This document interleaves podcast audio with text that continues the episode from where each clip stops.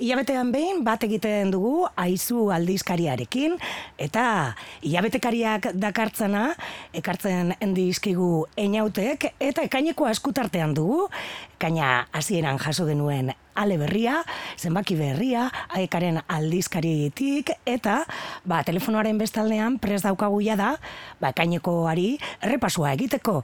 Eguerdion, e, naut, Kaixo.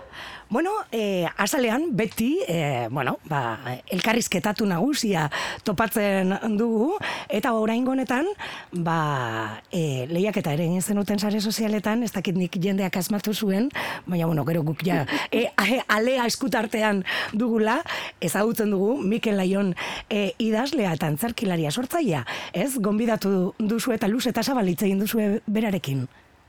Ba, egala da, egila da, azkenean, e, sareetan inorketzuela asmatu. Ez da oso askar erantzuten digute, harrapatzen digute, jokua mozten digute bera da, horren kontan, zaila izan da Mikel Aion, bueno, bera zela asmatzea. Eta bai, Mikel Aion ekarri dugu elkarrizketan nagusira, ba, zuk ondo duzun bezala, idazlea, e, antzerkele badabil, bera sortzaile, sortzaile edo esango dugu dela, e, ba, ba, sormen munduan da bilelako, eta berriki, ba, e, pistifaktoria ideien laborategiarekin, e, ba, hau ez da gerra bat, antzuz dana estrenatu duelako, ez, pixka eta itzaki horrekin, noski, e, beste mm mila gauzera buruz ere hitz egin dugu, ez, ba, baina hau ez da gerra bat, gainera, bueno, e, antzuz dan berezi xamarra da, e, taula gainetik kanpo ere, ba, edukiak eskaintzen dituzte, e, dituelako, ez, azkenean berak horre elkarrizketan aipatzen du, ba, saiatu dira, eduki gehiago e, sortzen, ba hori sareetan audioak eta adibidez e, jarri, bueno, interneten audioak eta jarri dituzte mm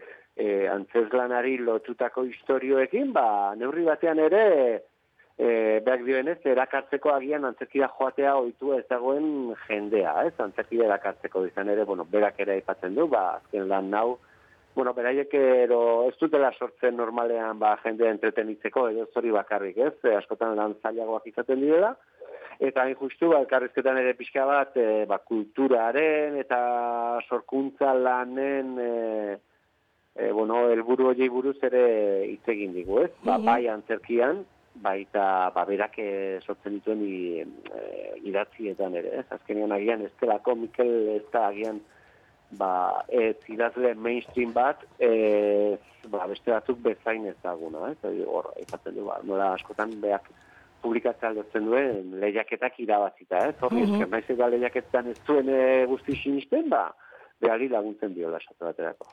Bai, literaturaz ere badabil, e, bueno, orain ere zertan dabilen ere kontatzen du, eta, bueno, ba, Mikel Aion hobeto ezagutzeko aukera ematen du elkarrizketa, eta ipatu duzun azken lan horren inguruko zetasunak ere ematen e, ditu.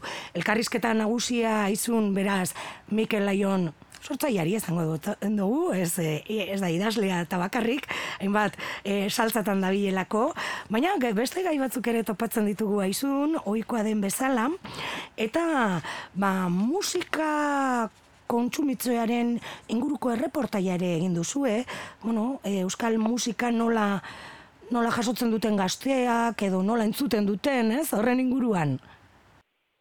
Bai, ala da, Jagoa Salvadorrek idatzi du, eta, bueno, titularra berako zondo azaltzen. Ez? No da entzua euskal musika, ba, bueno, e, mendikan esan dietzazueket, e, erantzun, erantzunik ere ez zuela ematen, eh, reportajeak.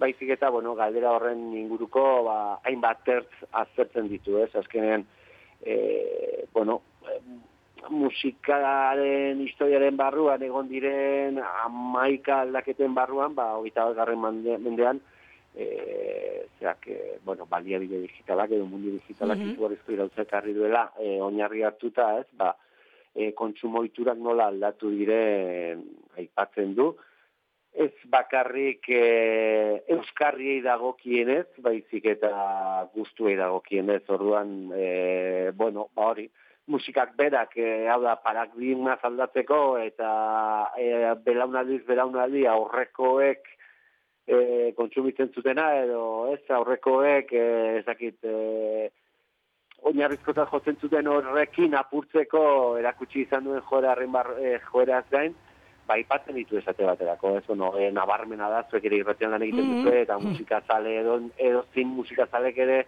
ikusiko zuen, ez, hor datu batzuk ematen ditu, ba, ez, industria fonografikoaren nazioarteko federazioak, e, kaleatutako datu batzuk, ba, 2008 bian, e, 2008 bian, streaming plataformen bidez lortu zen etekin ekonomikoa, Euskarri Fizikoen bitartez, lortutako baino, lauz aldiz handiagoa. Handiagoa. Zen, ez? Mm -hmm.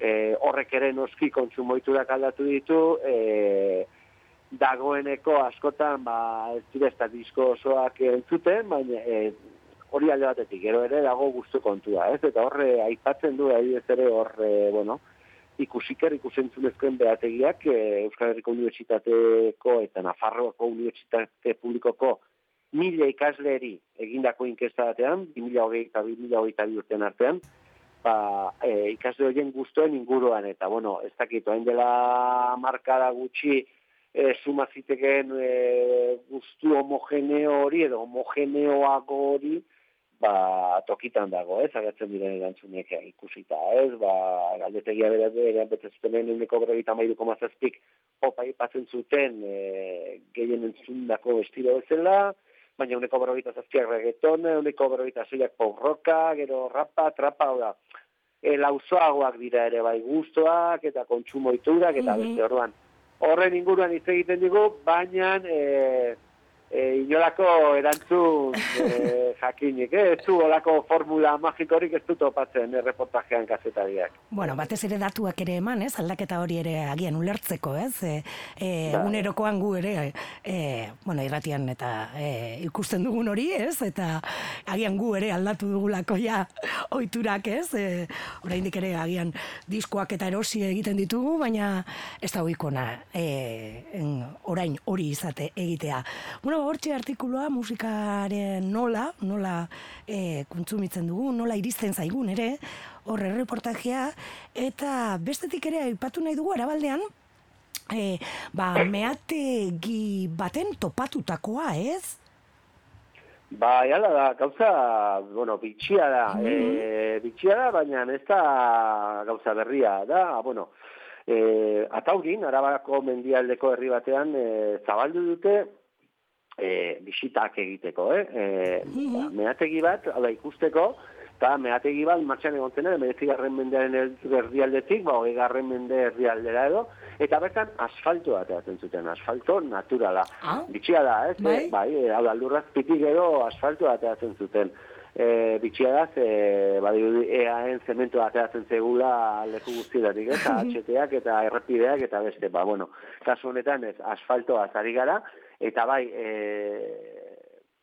bueno, e, orain egin dutena da, egokitu mehatze bat, jendeak bisita dezan, eta ezagutu dezan, ba, bueno, e, oso ustiatze zabaldua izan zena. E, mm -hmm. hori, ba, emerezik mende erdialdetik, hogei garren mende erdi aldera arte asfaltoa e, hori, asfaltoa so, bueno, atatzen zan mendizikan, eta bueno, gero asfaltoa den erabilerak e, izugarriak dira, ez? Asfalto naturala zen.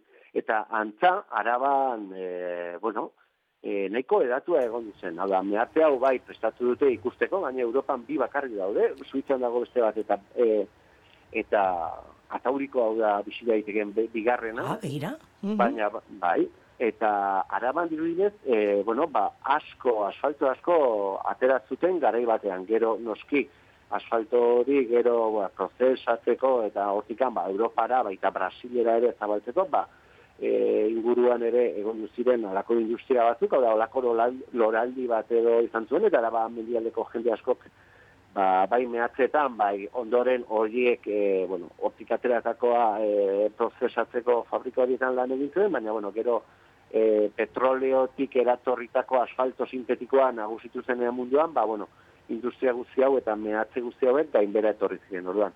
Hori ezagutzeko zabaldu dute e, aurten mehatze hori, e, bisita daiteke, euskera ez da gazteran ez dituzte bisitak, hori bai, e, txanda eskatu behar da, e, reportajea bege ikusten duenak hori topatuko du telefonoa eta guzti, mhm. eta, ba bai, benetan oso gauza bitxia, ze adibidez hori argazki batean ikusten da, bai. nola paretetik atatzen den olako isukin beltz bat, e, likatsuan, noski, asfaltoa agibun olakoa den, eta, eta ez dakit e, nire jakintasuna aitortuko dut hemen, entzule guztien horrean, nik ez dut asfalto horrela sortutzenik, esate baterako, Nik ere ez.